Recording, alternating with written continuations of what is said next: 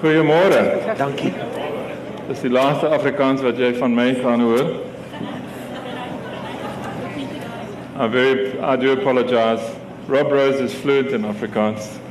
um, but uh, please, I think I would prefer it if people want to speak Afrikaans during this conversation, and it's a conversation between myself and the authors, and but with yourselves as well.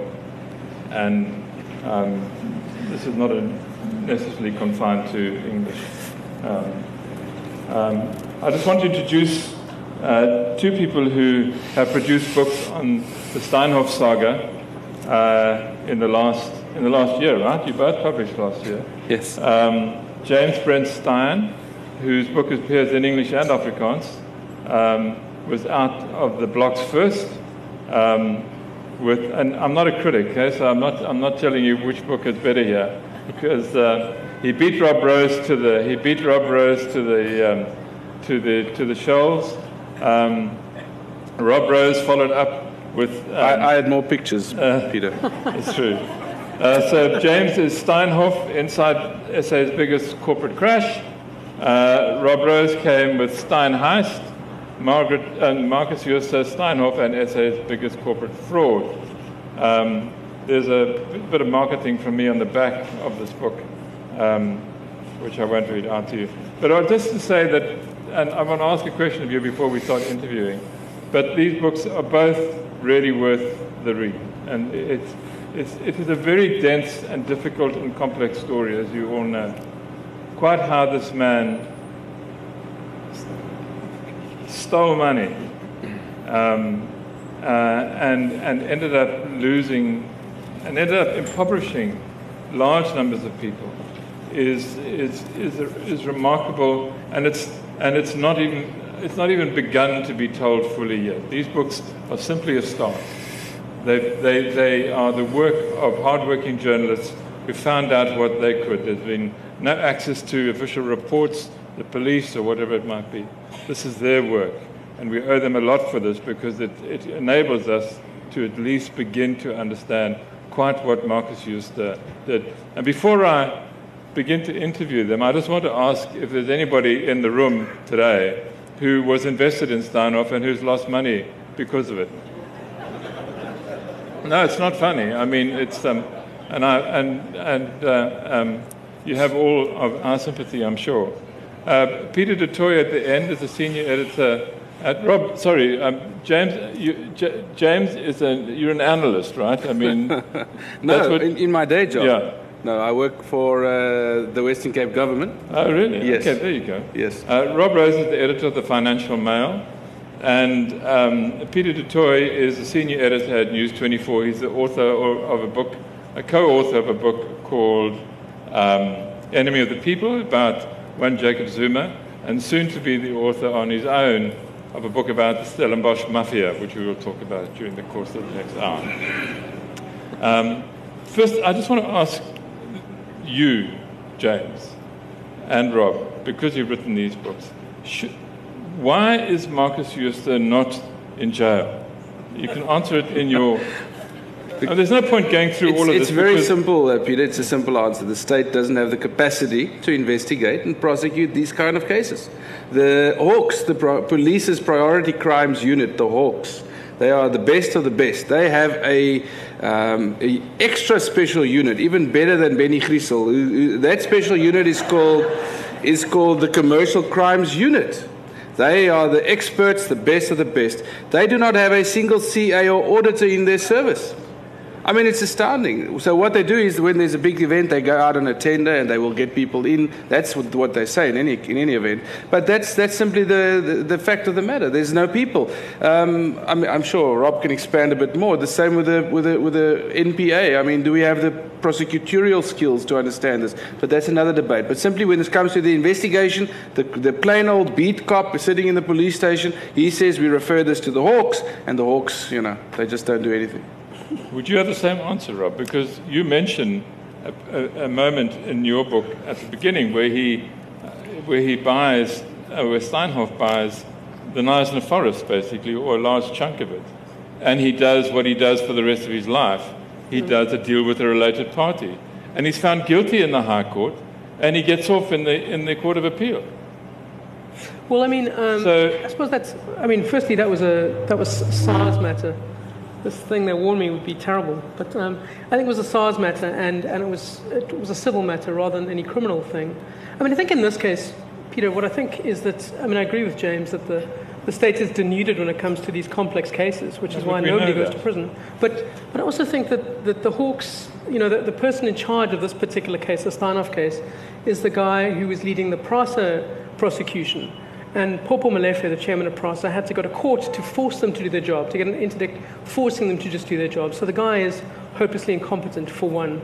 Secondly, they're waiting, they are waiting for the results of the PwC forensic report to come out. But I think the best chance of anyone going to jail in this is if the other implicated parties who helped Marcus Jooste do what he did turn, um, get Section 204 and, and essentially turn state's witness against Marcus. And I think that that's a process that is on the way, and I think that that will be the best chance they've got because if they were to leave it to their own investigative prowess, you know, we'll be at Woordfees in You, bo- 2029. you both make the point in your book that he is, he is, he is down but not out. I mean, he's, he's still powerful, still influential, in your case, in, in, in, in, in, in, in horse racing. I mean, does he have the power to persuade people not to turn state witness? Can he, can he interfere? I don't think he's. I don't think he can interfere at the moment. He seems too insular. I think he's looking after his own back. Um, I don't think that he would. The kind of people, specifically the four people at the very close circle of Marcus, against whom charges have already been laid, I think they would. Uh, at least one or two of them would happily testify against Marcus. So I do think that that's that's the only way that they can secure a proper conviction against him. Do you agree, or? Yeah, I guess. I, I, but I, I don't think we must forget something, and I'm sure Peter can jump in here as well. The brotherhood uh, that's very tight, that's come over decades. I mean, we're sitting next to Wilgenhof right here, where these guys met one another, and uh, I'll go out that exit when I leave. But uh, Wilgenhof, of course, says is right here. This is where these guys met up.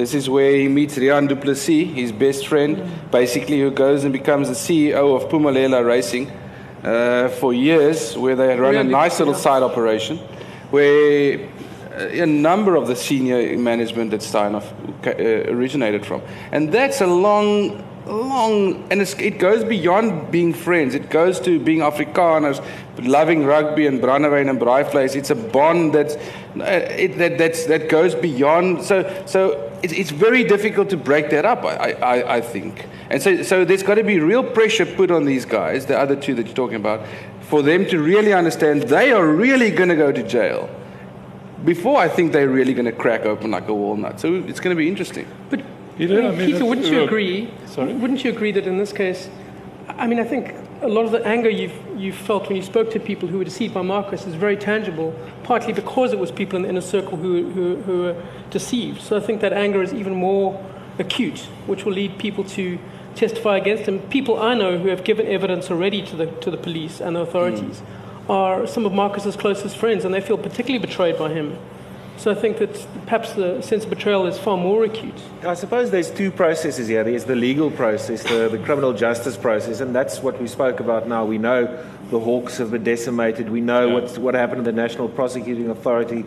You know, just last week uh, it came out that uh, Robert McBride wrote a number of letters to the formal na- former national director imploring him to prosecute a number of criminals Yeah. into police, and nothing happened. So, and Robin James are very involved in the legal process, and that's that's there's no end to it soon. We, we, can't see progress at the moment. But as far as Stellenbosch goes, and as far as people turning against Marcus goes, I, I would agree with Rob that there was enormous anger in Stellenbosch after that happened, um, and there were a number of anecdotal uh, number of anecdotal evidence pieces of evidence of friends of Marcus who drove to his house in Hermanus the day after or the weekend after, knocking on his door, demanding to find out what happened, and Marcus just refused to open the door. So, friends that he uh, enticed to inv- uh, invest in his business, Yeah. and the betrayal was quite big.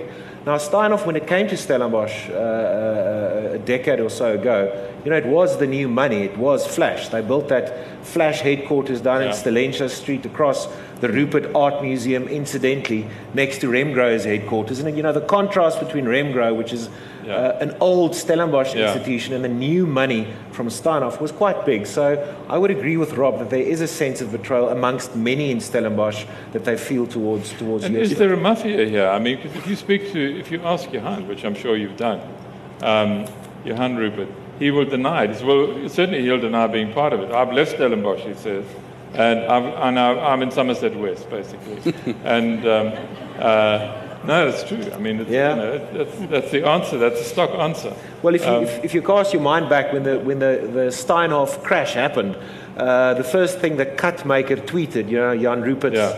Twitter handle was, what irritates him is the, is the, is the, uh, is the impact that this is going to have on Stellenbosch because he detests the incomers, Yeah. the, the people that are coming from the Yeah. outside. Yeah. Even though he doesn't live here, he holds a very strong affinity to the Yeah. town. So if you ask the question, is there a mafia? No, not officially. No. But there are very strong networks and bonds, yeah. And, and, and, and James spoke about Wilgenhof residents just next Sure, sure, door. sure. Um, so there is a strong network. There's a strong there's strong bonds between people, and, and you know you they, they certainly use it. I just want to come in and say one thing, Peter, because I, I mean, of course, there's a lot of betrayal and angry people. But, but I, what I'm just cautious and wary about is how many of those very angry people who've they've lost money, which is why they're so demuring. Okay? So do they really have the dirt? So they can go and testify all they want and say, look, this guy, I lost 20 million or whatever, but do they have the evidence to put to actually charge this guy and put him away? That's the question. There could and be people my, in ever, in this Yeah, audience. my some evidence, hypothesis would be this guy is not a fool. This is how he got away with this stuff for 20, 25 years. And the real people with the real evidence, with the real ability to really build up a case against him, they're the ones that must go and, and testify. And I'm sure one or two But of who these. would those be, like, for instance? Well- would they be the related parties? Yes, completely. I mean, the guys in the guys in Europe, for example. Yes. The the head of the guys in Germany uh, who were putting together these deals. Yeah. But you know, on that point, there is somebody. I think the, the best and most the simplest case against Marcus is the is the SMS that he sent to a friend of his a couple of weeks before Steinhoff crashed, saying along the lines of, "You always ask about how the business is going." Um, and some things might happen, and I think now might be a good time to sell your shares. Now that is that is that is a classic open and shut case of insider trading, and the, the Financial Services Conduct He was giving that advice to Fred. he sent that via an SMS, and the FSCA, the regulator, Yeah. has that SMS. Now, that's a clear sign you know things are going to come out.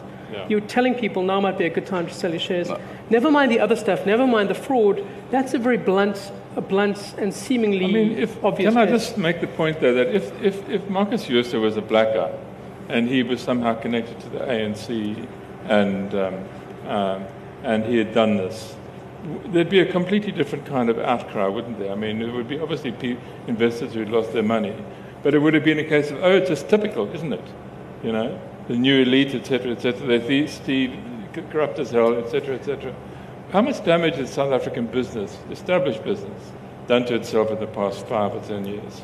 with the Guptas and now with, I mean, for Deloitte to, to, to give this guy clean audits for however long they were his auditor and only come up at the end um, uh, with, with, you know, concerns after they'd been pointed out for years um, is also crazy. The accounting profession in this country is in a, is, has really got a credibility problem. And they, the, I always remember my dad telling me, become a chartered accountant, son, you know, you'll, you'll be rich. well, I let him down, unfortunately, but um, uh, Maybe, maybe there's a difference, Peter, between, in a sense, because I think there's an element of truth to that. But I would argue, in a sense, that private sector, it's like, well, it's rich people's money anyway, so who cares? Whereas the Guptas and state capture was very real hospitals, prisons, issues that affect the poorest of everybody and affects everybody. So, in a sense, I think that might be a, a, a way why we don't see this kind of groundswell of anger and outrage what, that you might have picked up with the Guptas, I would imagine. Well, I think I think the, the, the outrage was certainly there. If you think back to when it happened in December 2017, um, it was just after the Bell Pottinger project. It was just after the whole debate and uh, uh, the the phrase "white monopoly capital" became in vogue. So it was it was almost a godsend for the defenders of the Guptas, the defenders of the state capture product, uh, project, to show, look at the private sector. The private sector are just as bad. Um, and, and it was almost a counterweight to what happened with the Guptas. Um, I agree with James, and certainly, I mean, I think we all agree that there's a difference. Um, you know, with, with, with the state capture project that specifically targeted the state's procurement processes, you know, the state's spend on, on goods and services every year. But it did height or highlight the fact that corruption in the private sector is as rife as in the public sector. But I also Yeah. think that we, we do feel a bit removed from a private sector case like this. You know, it's easy to see your tax money disappearing and say, that's my tax money disappearing into this. In this case, it's, it's almost a, a one, one remove. People have to realize that 70% of our pension money, of the pensions in this country, were invested in Steinhoff. So, Yeah. so there is an exposure, but it's slightly more removed. You don't sense the immediate impact of that. And also, we're quite a political society. We think in terms of political news a lot. Um, to understand something like Yeah, we- it's we- far more we- complicated. We're too conservative, but I mean, Steinhoff did make people in this room poorer, um, and maybe people in this room lost their savings. You know, and, and it, it, it worries me that while it's been a well-covered story, um, that it, that we haven't seen, we, we don't see enough of what the Americans would do and go and find people who'd lost money uh, and ask them what it, how it affected their lives. You know, because they were planning maybe to send a kid to Yeah. to you know a good university overseas and now they can't, or they were going to have an operation and now they can't. Um, I suppose we can't talk in circles all the time, but it does come back Yeah. to, to the failure of the criminal justice system to put people into jail. Now, as we sit here, the State Capture Commission is listening to evidence around the collapse of Eskom, Yeah. because that's where we are now. Yeah. We haven't seen people in orange jumpsuits go to jail. Well, presumably, presumably before, before the election, if you were Cyril Ramaphosa, um, you would encourage in, indirectly your new head of the NPA to arrest somebody. Um, It's got to be it- someone big and someone who wears. Uh, so the latest rumor is that Brian Molefe is in trouble. Couldn't happen to a nicer guy. Um, but, but I can't imagine, I can't imagine him, uh, you know, just sticking with one sort of black, one big head that would roll. You know, if he were able to, if he were able to get Marcus Jooste into a pair of handcuffs at the same time as getting somebody from Eskom or somebody from the state capture side, he'd do himself a lot of good politically. I mean, and he's a very calculating guy. Everything he does is about the election. I'm going to disagree slightly again, Peter. It's okay. And the reason is the people that, that needs to be nailed first is the people sitting next to him in Parliament. It's next to him and behind him. Um, I mean, we've got several senior cabinet ministers who've been implicated as severely, if not worse, than Brian Molefe. So it would be disingenuous at best if he goes after the smaller fish with respect, like Brian Molefe, and he doesn't target the people in his own party. But the way it works in the way it works in the ANC anyway in this government is that you the officials take the blame, um, not the politicians, and that's what'll happen. That's what'll happen here. But it's a complicated saga. I mean, you know, and we, we spoke about the failure or the, the, the lack of, uh, uh, of, of expertise and skills. If you talk to the ex SARS guys, uh, the rogue unit guys, the, the, the people that targeted the illicit, illicit tobacco trade, you know, that, they would tell you that even just based on evidence in the public domain, there's enough evidence to go to a judge in the High Court and ask for a preservation order to freeze all his assets, freeze all his bank accounts, and then at least start the investigation. Yeah. But those skills are gone. SARS doesn't have those skills anymore. You know, they're trying to build up a new investigations unit, but you know, the skills that have been built up since Pravin's era in 97, since then, that's gone. But you've also seen Estina. I mean, they, they did go and arrest. Estina. They did go and arrest people Yes. after, you know, the day after the ANC elective conference. Hmm. And because they botched up that investigation, they had to cancel that, that arrest warrant, essentially the, the seizure. Yeah.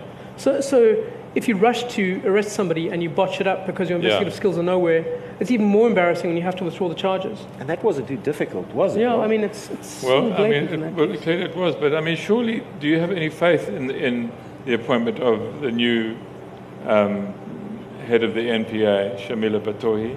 She's going to be given an investigating directorate, which will which will be, in other words, something that's completely um, free of influence from the deputy directors, who've always been Zuma people. Um, does that directorate, once it's once it's decreed, have an opportunity to to break some, break some eggs? Well, you know, it's, uh, it was announced in the beginning of February. It's Yeah. almost a month. We, Yeah. we don't know. It hasn't been proclamated or Yeah. or proclaimed in the Yeah, government gazette yet. Yeah. So, so we don't know. What we do know is that it, it won't be the Scorpions 2.0, which No. is what we hoped for. Yeah. Um, it will have more independence than, than it previously had, and it, it will pull in expertise from the police, Yeah. um, which means that they will work under a pros- prosecutor. So they can go out, they can go to accounting firms and get from PwC. Exactly. From So, so the investigative officer will be able to Yeah. seize evidence and give it to a, a Yeah. prosecutor, and the Yeah. prosecutor will say, "I need A, B, and C." Whereas in the past, Yeah. you know, it was just sent off into the ether, and you just hoped that someone at Victoria Mxenge Building in Silverton would decide, "Let's prosecute them." The, the, and, sorry, Rob. The, the added challenge, I think, and you see it at the Hawks as well, where you've got a new boss who's coming who's a better guy than the previous guy. Yeah. But the levels, you've got nine provincial heads, you've got several deputies below them, and they- uh, but they- Shamila is going to sit with the same problem. So it doesn't matter if you're, how do I put it nicely? If you're the Lord himself and you're in charge of the NPA and everyone below you is a Judas, it's going to be very, very, very difficult. Um, I just want to, if I can, jump back on the auditing point you made, because that's another important point. Um, Deloitte audited this company for more than 25 years, from the very, very, very beginning. We are all entrusting our money, buying shares, stocks into companies like Steinhoff, and we're doing it based, amongst others, on the word of companies like Deloitte, KPMG, PwC. Yeah. What recourse is there for that, Rob? And um, I mean, there are obvious things in the Steinhoff accounts. When you look back in hindsight, it's ob- obviously hindsight's perfect. But if you just look at the tax rate Steinhoff was paying, between 8 and 16 percent per year for 16 years odd, while they are making record profits. And the auditors didn't highlight it once. That's, I, I, that's, I think that deserves a lot of attention It as is, well. it is amazing. And there was, a, there, there was the firm, the mattress company, right? The mattress firm, yeah. Um, the mattress firm, which he paid double the share double what the share price was. And nobody, this so help me understand this. You're on the board of Steinhoff, right? And you previously ran Absa Bank. Um, uh, and, you, and you're on the audit committee. Or let's say Sanlam. Hey? Or let's say Sanlam. Yes. yeah, or let's say Sanlam. Um, and you've, you've run Sanlam and you've run Absa, and, and, you, and even, you know, you, no matter how thick the board pack is and how boring it might be to have to go through, why don't you spot that and why don't you ask a question? See, I, I spoke to a lot of the directors, and I think they did ask questions. They just didn't ask enough questions, and they weren't skeptical enough. Johan van Zyl, for example, is, is quite forthright about, um, about that, about how much longer they should have spent scrutinizing that.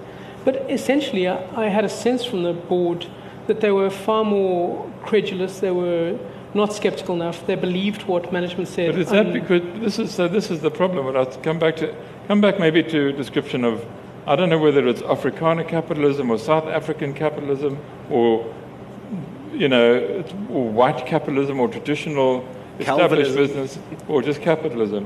Why is it that these boards are so um, they, they, they all, everybody looks alike. You know, everybody makes the same assumptions. Everybody trusts each other. What about a board where nobody trusts each other? Wouldn't that be interesting?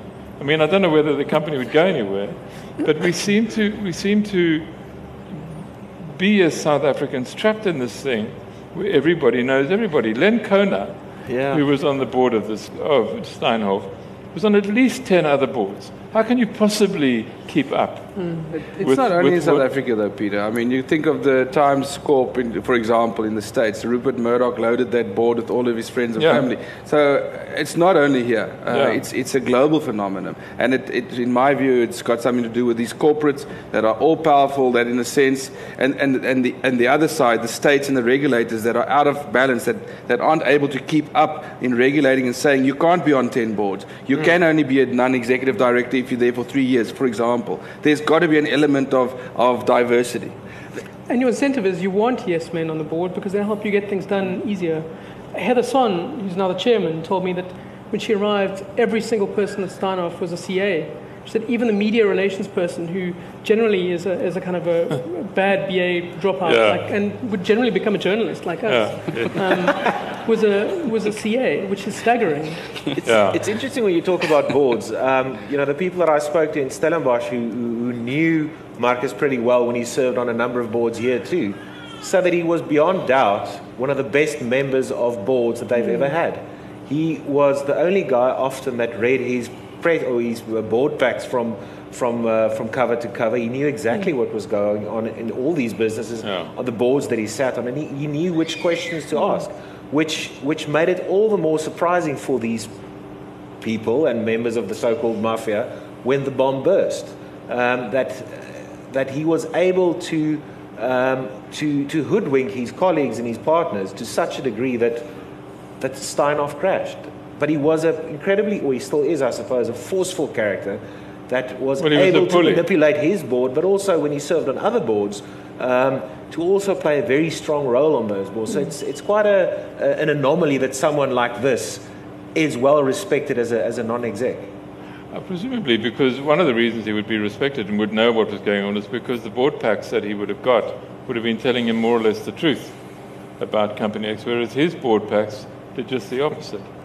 Um, um, did he? Did he? Rob Rose? Was he? Was he? I'm just trying to think why somebody g- turns bad. You know, is it you make one mistake and then you try and cover it up and you end up g- getting into more and more trouble? Or did you know? Was he dropped on his head when he was a kid and, and nobody picked him up? Or, or is there some psychological explanation? Did something happen to him to make him bad? I think that's. I mean, I I mean, how can anybody? How can anybody? The story that that most affected me out of the whole Steinhoff saga uh, was the was GT Ferreira's pension fund for his workers. I don't know if GT is in the audience or not, but um, but he had built up this fantastic thing, and, and Stein, um, Jooste persuaded him to put the fund all, all into Steinhoff, and so it's now worth nothing, right? Um, who does that to to people that who does that to complete strangers? I mean, he knew GT, but he didn't know the people who he was trying to help, the workers on the farm. So I, I think that question is the most fascinating. Why does somebody do this, and how does it lead to this? Um, and that's such a difficult question. But I do think on that last point of GT, people who end up in these positions don't think that it's going to collapse like this.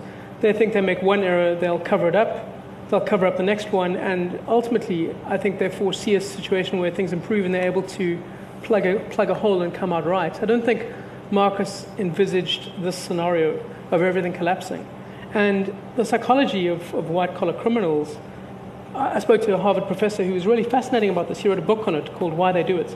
Um, is, is that they're going to, they're actually helping people by covering up the hole. I'm helping my investors, I'm helping people not deal with the stress I have to deal with. And it gets to that position. But psychologically, um, that, that inflection point where you could reveal to investors that things are turning bad and you choose not to do it because of various reasons. In Marcus's case, when the JD, the JD Group purchase was happening, he wanted to dress up Steinhoff's accounts, make them look fantastic for the listing in Germany the next year. Yeah. Um, so he had an incentive to, to make things look great.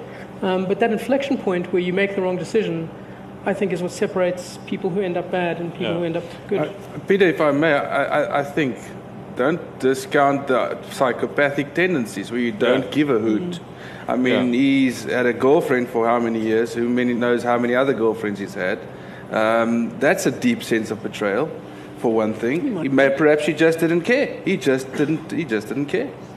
And it was a, it, he was at a stage. I don't think it care, I don't think he cared about the money anymore. He's a billionaire any, many times over. It became about the mm. game. It became about having Johan van Zyl and Steve Booysen on the board and knowing something they don't know and making these deals, even though it's the stupidest bloody thing to go and buy mattress firm. And yes, all these guys just say just go along for the ride. It's all about a power game. It's about getting GT's money in there and and and you knowing everything everybody else doesn't know. And I think those. Not that I'm a psycho expert, but those are tendencies that one could say, look, there's some serious psychological problems there. What happened to the people who, for years before Steinhoff became a kind of a household name, were warning that um, that there was something dodgy? You both you both mentioned analysts in your books um, uh, who, who who who would say from 2007, 2008, nine, leave this company alone. There's something really dodgy here. One of yours sees him uh, briefs Gustav Visa on, uh, um, uh, and then ends up at Bright with probably Visa himself and goes back and can't believe what he's found. How come those voices are, not, are never listened to? Does, does, does Steve Booysen not listen, does not, doesn't he read analysts that he doesn't agree with or what? I mean, how does he pick what information to listen to about, his, about a company on whose audit committee, well, whose audit committee he chairs? And there are these reports around. Does he just ignore them? Um, I mean, from my point of view, I think that, you know, it's, it's difficult because we're looking at this in hindsight, it collapsed. If you take another company, take ABSA, for example, right now there'll be five analyst reports warning of problems here and problems there. And Christo Wiese says he looked at it, uh, he heard the concerns, delayed investing for two years, and then thought, oh, well, these concerns are just somebody who's an ultimate skeptic. I mean, there were always these people, and, and there were people warning before the credit crunch in America in 2008 that subprime mortgages were going to collapse. But because they weren't in the majority, because they weren't seen as having a certain amount of momentum behind them, you ignore them.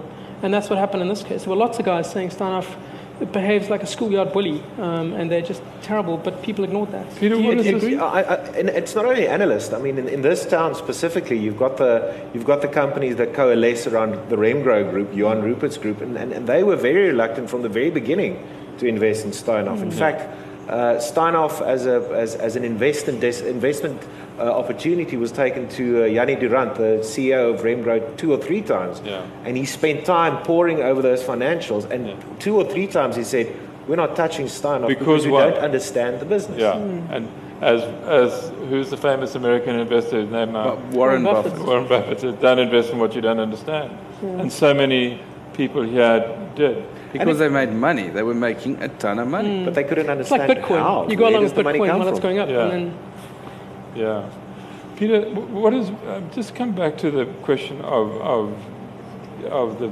future of capitalism in South Africa. I mean, th- these are these kinds of shocks, as you say. I mean, James, they're, they're, you know, they're not unique to South Africa, but we're a very small community, and we are not, you know, as robust as the Americans and and, and you know the French and the Germans when they have their scandals. What is what a business? What what is business going to look like, or or the what what is the way we make money going to look like here in say 20 years time? Will it have changed? It's a it's such a difficult question, Peter. I think I think in this country, and we're in Stellenbosch now, in such a beautiful town with, you know, with with, with opportunity and wealth and and and uh, you know, nice houses and all of the rest of it. But you've got Kayamandi just outside of town where you've got thousands of people living in, in squalor, and that's the that's the picture of this country, isn't it? We Yeah. the, the the gap between the haves and the have-nots, the wealthy and the poor. Is such an enormous problem, and uh, if you factor into into that uh, the governing parties struggle with itself around ideology. You know, are they a capitalist party that support the private sector, or you know, will the the socialist tendencies from the early '90s always rear its head? You know, what's the role of the unions? It's difficult to see how um, it will stay the same as it is now. You know, we have to close the gap between rich and poor. We have to create jobs. Now, a couple of weeks ago at the State of the Nation address, also in the Minister, Minister of Finance's budget speech, it was the first time that senior ANC people said, you know, the private sector is the engine of, Yeah. of job creation. So that has to happen. Um, but business also is going to have to play a bigger part in the communities where they operate. Um, you know, they are there to make money. It's not a, a- it's, it's not a beast uh, with a social conscience, but it's going to have to develop a form of social conscience. Um, you can't divorce politics from e- economics in this country. Um, so business is going to have to take cognizance of, And- and- of that and to try and, and, and, and, and spread the wealth better than it has before. Yeah, I mean, how it does that is another question. But Yes. uh, just to come back to the diversity of boards. Okay, so we have undiverse board after undiverse board after undiverse board, all out of Wilgenhof or wherever they might be. You know, they've been mates forever and they know each other and they kind of, you know, uh, go on holiday together and all that kind of stuff. Is it possible to force diversity on companies? I mean, to basically, you know, is it is it even even wise? I ask because I know that both in their both their campaigns, Hillary Clinton and Theresa May in the UK talked a little bit about about this and about trying to trying to get workers involved more in the, in their companies and trying to get more diversity on board, trying to get more women in the UK, more black people, uh, more you know younger people. You you know you, you you do all that, and then think, and I wonder also, I keep forgetting who wrote what uh, in these two fine books, um, but somebody describes how difficult it is to know when you get a, when you get a board pack whether anything is true, because you, you go to the meeting, you, you get your pack, you've read it, um, but it's just management telling you something, right? So you want to, you want to diversify boards because you, it'll stop the kind of Steinhoff thing you hope. But where do you find people to be those directors? I'll, I'll, I'll leave the nitty gritty of that question to the financial journalist next to me because I'm not one. But what I have found in, in research for my book was an almost tick box culture in, in companies at the moment. You've got the king uh, regulations that companies have to adhere to. So there's a, there's a culture when, when the boards meet that you just have to tick all the boxes before they can go on. And apparently it takes hours and hours before you can actually get down to the business of, of the company. And by that time, half of the board have lost interest, or you know, the other half haven't read the board packs. Um, but can we always legislate for everything? Can we legislate for diversity? Can we always have a top down approach on everything? Doesn't there need to be a culture change in, in how business operates? I, I, I have a slightly different view. I think it's time for shareholders to step up. The PIC, the Government Invest, Employees Pension Fund, uh, invested through the PIC, lost 20 billion in They were sitting on the board me on, on the AGMs where this board was elected year after year after year without contesting it. They agreed to the salary packages these guys were getting. Ben la Grange was getting 50 million package a year, 40 years old. What a lovely job. 50 million. Wasn't that a red flag? There, right? Yeah, of course. but wasn't that a red flag, do you think? I mean, where are the shareholders that are supposed to say, hang on, what the hell's going on here? Say, supposed to answer tough questions. How many bo- uh, AGMs and, and, results meetings have you been to where shareholders ask really tough questions? Very few. And, and sometimes when there are tough questions, it gets shut down. And I'll mention the guy's name, Chris Becker, only recently, about the share structure, control structure at Naspers. And what happens then? Nothing happens then. And to me, that's an issue. I think shareholders have more power than they than they know, but and they we, should influence. The, so a lot of this, what happens must also reflect back on them to some extent. Well, I mean, talking about shareholders, we'll come, we're going to ask some of the audience um, to ask you questions in a minute. I mean, but is it possible that you know the, structure of shareholding in South Africa means that basically it's you, you, you, your shares in X company of going to be represented by a fund manager. That you, you haven't gone out and bought.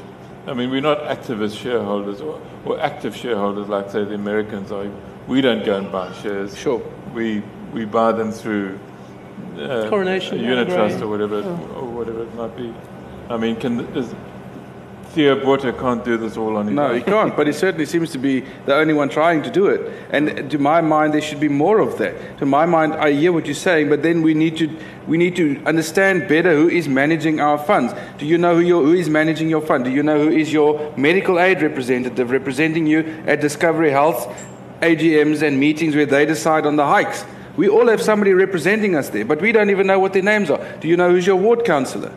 But when the election, after election, we, we complain about the potholes, we don't even know who to call because we don't even know who's the ward councillor. We all have a bit of responsibility to take, is I think what I'm trying to say. It's, it's an opaque world, isn't it? I mean, we're, uh, uh to, uh, you know, to the, the, the, the world of high finance is a difficult world to understand. And I would argue politics is much easier to understand. So it's much easier to, to rant and rave about your local councillor or uh, public representative or MP than it is to figure out yeah. what's going on at a business of which you own a very tiny chunk or a larger chunk.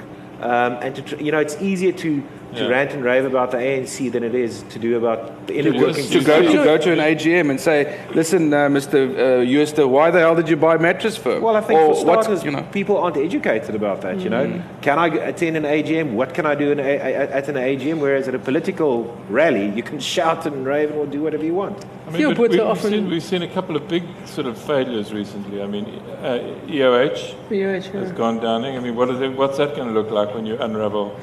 When you unravel. Yeah, I mean, those, those companies are, um, I mean, a lot of companies that, you know, to go back to your earlier point, I think are, are creating a, sense that capitalism in this country is somehow under siege. But I do think that the legitimacy of the capitalist system is, is facing other issues. The fact that we have 70% of our adults in this country who aren't in formal employment creates a wider legitimacy of capitalism that, that people struggle to, to address. But, but I, I think a case like Steinhoff is, is an exception. I don't think, you know, if you look at all the thousands of companies in this country, I don't think that we can say because of Steinhoff's collapse that the entire system is a fraud.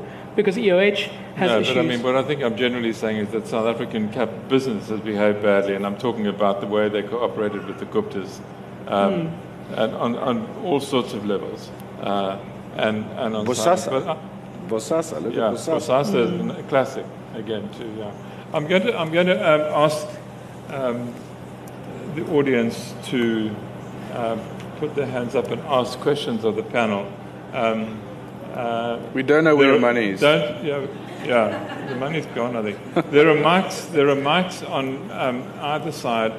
Um, I'll, I'll sort of pick out three people at a time. We'll start on that side.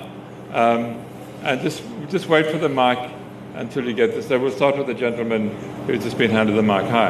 Um, good afternoon. Thanks very much. I, I'm finding what I've missed in this discussion so far is that Steinhoff, as I see it, is, uses this vehicle for people to put funds offshore.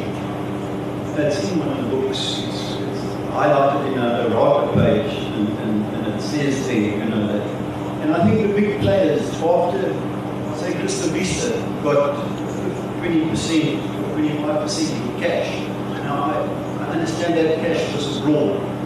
And these people who were the big players who were using Steinhoff as a vehicle to put their wealth offshore, they were trading before and after each annual report came out. They would have sold off huge quantities and bought back or whatever when, you know, as the prices Yeah. fluctuated. So I want to know from the panel what they think about because when I was a student at Stellenbosch in, in the 70s, soon afterwards there was a financial rand, and there was a lot of fraud between commercial and financial rand. Yeah. And some of my colleagues were actually prosecuted, but when we became a democracy, the NPA just dropped all those uh, financial Yeah. fraud charges. Okay, so, you know, and, and yesterday in a discussion here, the, the Smith murders and, the, and, and, and that and the new government, people had a hope that they would do it, but the new government plays exactly the same game. People in power do what they want to. And so I just want to know about Nationalists or nationalists. wealth offshore. Yeah. To what extent was Steinhoff used as just a vehicle to put your wealth offshore? Thank you. Can I have another hand from, from this side? No? Have you have anybody like to ask a question? Shall, shall we deal with that? I mean, was this a just simply a way to externalize your capital, rather like the Russians did um, To when they got a hold of the state machinery? Um, I can start if you want. I mean, I, I think that in this case, part of the rationale for, for listing in Frankfurt was to allow people like Christo Wiese to take their money offshore. There was a time, say in 2013, 2014, where the Rand just looked like it was destined for 100 to 1, where every single company, Brait, um, famous brands, everyone was buying stuff overseas to, to hedge against the falling Rand. And I think that to a large extent, a lot of the investors in Steinhoff saw the listing of, of Steinhoff in Frankfurt as a way to externalize their cash. That's a strong theory, particularly with regarding, particularly around Christo Wiese, um, that that was one of the things that he was doing, was wanting to get his cash out of the country, and that was part of the, the share swap. And I think that did influence a lot of people's thinking around, around Steinhoff um, at the time. But, but it's, it's not illegal. It's not illegal. So we've got to understand that. So you can externalize if you get, get permission from the Reserve mm. Bank. So it's not illegal to go and list in Germany. It's not illegal to, to use that as a vehicle to take money out of the country. I certainly think that it was a, a, a move as well by certain people, including perhaps Dr. Wiese. You can only take about 10 million out of the country without real problems per year. So he's got sitting with, he lost 60 billion, Christo Wiese. So those billions, getting that out of the country, you, you go via a route like this, but it's legal. So whether it should be legal is a different question. Um, but, but we must just mention the fact that it But certainly was another legal. important point on that is I think that for directors who would have done that as well, the desire to take, to take cash out the country might have allowed them to be less skeptical of some of the structures Mm. that Marcus Jooste might have put forward. Because if your incentive is always to look at taking the cash out, you're perhaps less wary about the details of mattress firm than, than the other structures because you want, that's your primary concern, your primary incentive. Peter, I've got a question for you. Me. Yes. And perhaps for you, Rob, and for you, Peter. Something which I, I don't have an answer to. It's something that I'm, I'm curious about coincidences. PSG, Jannie Mouton, Yeah. leaves the board 2016. Within a few weeks or months, PSG, who was, has a long running history with Steinhoff, very close, one of the biggest shareholders, they sell every single share out of Steinhoff. Is that a coincidence? Peter, what, what do you think? No, I just have no idea. You know, I mean, I would need somebody to to, to tell me what to think. Um, I would have to. I mean, I would have to go to an analyst or Yeah. a Rob Rose or a Brent, James Brent Styan and say, what happened? Yeah, I mean, did they know? Did they know something? But that's t- 2016. That's a long time ago. That's a year before. It's, it's an interesting question. I'm, I'm not alluding to anything. And I'm maybe there was a maybe there was a row You know. inside the Mouton family. You know. Well, they reject that. You know, they, they hate it when you confront them with that. You know, they deny that that was the plan, mm. but it certainly looks like it. But, And they, also- but they don't like talking about it. They Well, don't you like know, sh- why, should, why shouldn't they talk about it? I mean, I would, I would want to know what really motivated that move. I mean, at the time, Steinhoff was shooting the lights out. It was a fantastic investment. Everybody was investing. And it's because this company was doing so phenomenally well for so many years in a large way, I think, which is why so many people were done in and didn't ask tough, difficult questions because everyone was making money. Except PSG decides Jannie gets out of the look. This the story that I heard was that when Christo Wiese became chairman, yeah, it was two bulls in one kraal, and Jannie said, "I'm out of here." But getting rid of your entire stake, very mm. interesting. Well, I You know, at that stage, at that stage, Sell while you're ahead. Marcus had already lied to, to Jannie, to, to the people around, swapping the PSG shares into Steinhoff.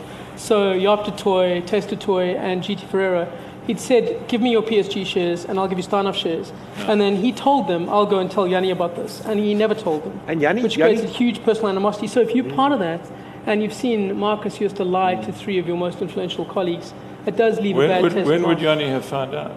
He, he did find out, obviously, because the stakes were then swapped. So he did find out, and they had a, they had a meeting, I think, with, Would with this have been around the time that James is talking about? This was a bit a bit later. After, this was after the listing. And he saw it as betrayal. I mean, he was livid when he heard about it. It was his company. He was. Uh, it's it's it's his baby. He always he always thought you know his biggest investors when they sell off, it was almost like selling off a friendship. Yeah. Um, and whenever people sold shares, you know they would tell Jannie, I'm s- selling so many shares because of this reason, and all of a sudden it's this block of shares that disappear. But they were still making wine together. Th- I think that's For a while that stage. but then GT, Short GT had while. said, had said to, had said to Marcus, uh, uh, you know, I'll go and tell Jannie that I'm selling the shares. And Marcus said to him, don't tell, don't tell Jannie, I'll go tell Jannie. Yeah. And then he never did, which, which made GT and, and Thys and those guys feel very, very upset and about comes back to the story of betrayal. I mean, Yeah, this is that's Marcus Jooste not only on a professional, uh, big business level, but on a very intimate, interpersonal level. He betrayed all his closest friends. What does he? I mean, do you know? Uh, you guys have written about him. What does he do all day? What does he do? What is he doing today? What are you Marcus. doing, Hermanus? I mean, He's apparently quite. You've seen in Woolies often, and he gyms quite often. uh, So that's about And he it. was he was seen drinking whiskey at the Tyger Valley waterfront. Yes, quite it the week before last week, perhaps two o'clock in the afternoon. You know, so Uh, Perhaps another question, Rob, and Peter, I hope you don't mind, because it's the issues that puzzle me as well. Christo Wiese. Christo Wiese, did he know? Was he in on this? Put up your hands, those of you who think Christo Wiese knew. Wow. Okay, so about a quarter of the room thinks Christo Wiese knew what what, do you, was what do you think? How could he? I mean, you've got to say, how could he not? You know, Christo- why do you pay more than double the share price for a mattress company? But would you, would, you, would you willingly give up 60 billion rand? Would you do that? Would you put your money in something that you know And you're going to to put ShopRite in as well. And you're going to put shopper. Oh, by the way, is this? I mean, the hero in all of this is Whitey Basson. I, I mean, I, that's what I came away from your two books thinking. Imagine, imag- imagine the satisfaction of being him. Whitey Basson. dodged a bullet. Absolutely. I mean, completely, just brilliant. Well, you know, uh, Christo Wiese's, the, the way that he engaged with, with, with ShopRite as well was pretty hands off. That was his, that was his way of Yeah. doing things. So a lot of people are saying, you know, he went in with the same approach and attitude to As to Steinhoff because he Steinhoff. Trust, he always trusted Whitey. You know, uh, uh, Marcus is a, is a hot shot. Everyone likes him. Uh, well, not everyone, but you know, he, He made money. his business Yeah. is flying. And so do they you never know, leave him, leave him be. The stories of him bullying people and being cruel um, and and bringing people down, humiliating people. Did these? Did the Steve Booysens and the Christo Wieses never see that? You know, Christo, I asked Christo about that, and he said, um, he said, like a lot of my executives behave in a very, um, in a very uh, self-confident way. Uh, Uh-huh. In other words, you know, a lot of his CEOs are bullies Yeah. to some extent, you know, Yeah. and I, I think it's that that culture, especially in the '90s, was was valued. You know, go-getter, somebody who's not, who's. It's very easy to blur that into somebody who's not scared to speak their mind and is forthright. And it's a small step to, to being a complete bully who Not all bullies the get their comeuppance. I mean, but but but but he certainly has. And I mean, I think you you we we don't know the full story of the Tongaat Hulett um, share price collapse yet, but I'm sure there's a story behind that. Would anybody like to ask any of the panel something? There we go, sir. Just hang on a sec. Just wait for the microphone. Die mikrofoon is op pad. Daar's hy, daar's hy, daar's hy. Thank you. Ek wil net by by weet die Amerikaanse bankrotvirma wat Steinhoff gekoop het, wat se effek het dit op Steinhoff massies? Die bankrot Amerikaanse firma Mattress Firm. Wat se effek het dit gehad? So wel die die die in die in die in die, in die langer skema van dinge was dit natuurlik 'n 'n 'n 'n dad.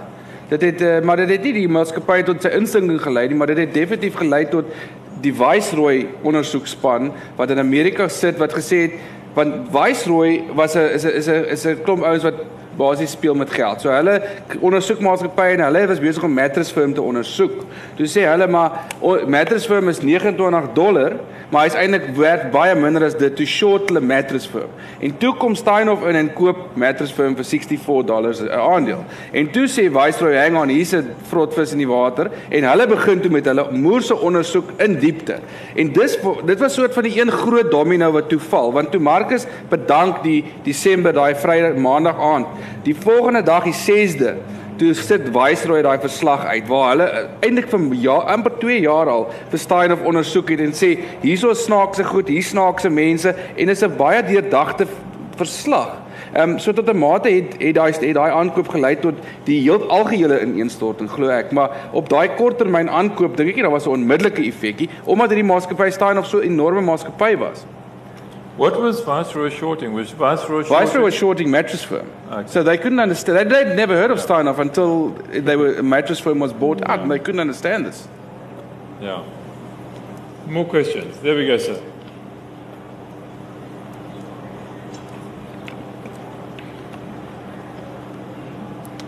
Hallo. Uh, ek ek die vraag wat ek wil vra net is hoekom sal hulle so konsentreer heeltyd net oor mattress firm en nie oor plaaslike transaksies wat gedoen is nie. Is dit oor die die die grootte van die transaksies? Want daar's plaaslike transaksies wat plaasgevind het wat op dieselfde manier plaasgevind het wat daar baie definitief ook dubbel betaal is vir besighede. Mm. Rob, do you want to take this? Why is uh, vra jy hoekom is daar hoekom die, hoekom is daar gefokus deur wie? Deur deur die Viceroy. Nee nee nee, net pla- die die die fokus wat jy almal praat heeltyd oor okay. mattress vir mattress, Okay. jy weet. Yeah. So why were we only speaking about mattress firm when there were so many other examples of Including local you of local yeah. companies where they did the same thing, overpaying by a massive extent? Do you want to? I mean, I, Sure. I, I think that, um, I mean, they did that for a long time. JD Group, for example, was selling clothes on credit through Joshua Doore, and, you know, it's, the quality wasn't often great. You'd go there and, you know, you'd sit on the couches and they'd fall apart. So there's some really crap things they bought. And for a long time, Steinhoff didn't have proper cash flows. But when they bought Pepco, Pepco brought them real cash flows. Pepco was a real business. I- there was a guy. There was a guy who um, I spoke to, who was the head of research, who said that it was like it's like Steinhoff was the mafia, um, and by buying Pepco, they decided to go straight and buy a, a chain of legit dry cleaners. Um, so finally, they decided to do something, and so that, that is what convinced a lot of people to invest.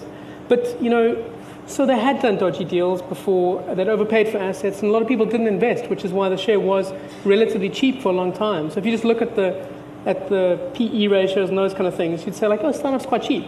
But actually, there's a reason why they were cheap. People steered away from them because of these deals. Then Pepkor was the one that brought them. It brought them Christo Wiese and it brought them actual cash flow. Um, and it just is bad luck that people invested after that. And Three years later, it collapsed. And also, they seemed quite desperate to enter the North American market as Yeah. well. You know, it was an opportunity to, for them to expand beyond Europe and America, and they made quite a big fist, a big deal of, of their expansion into the States. But also in America, it wasn't regarded as too flash of a business.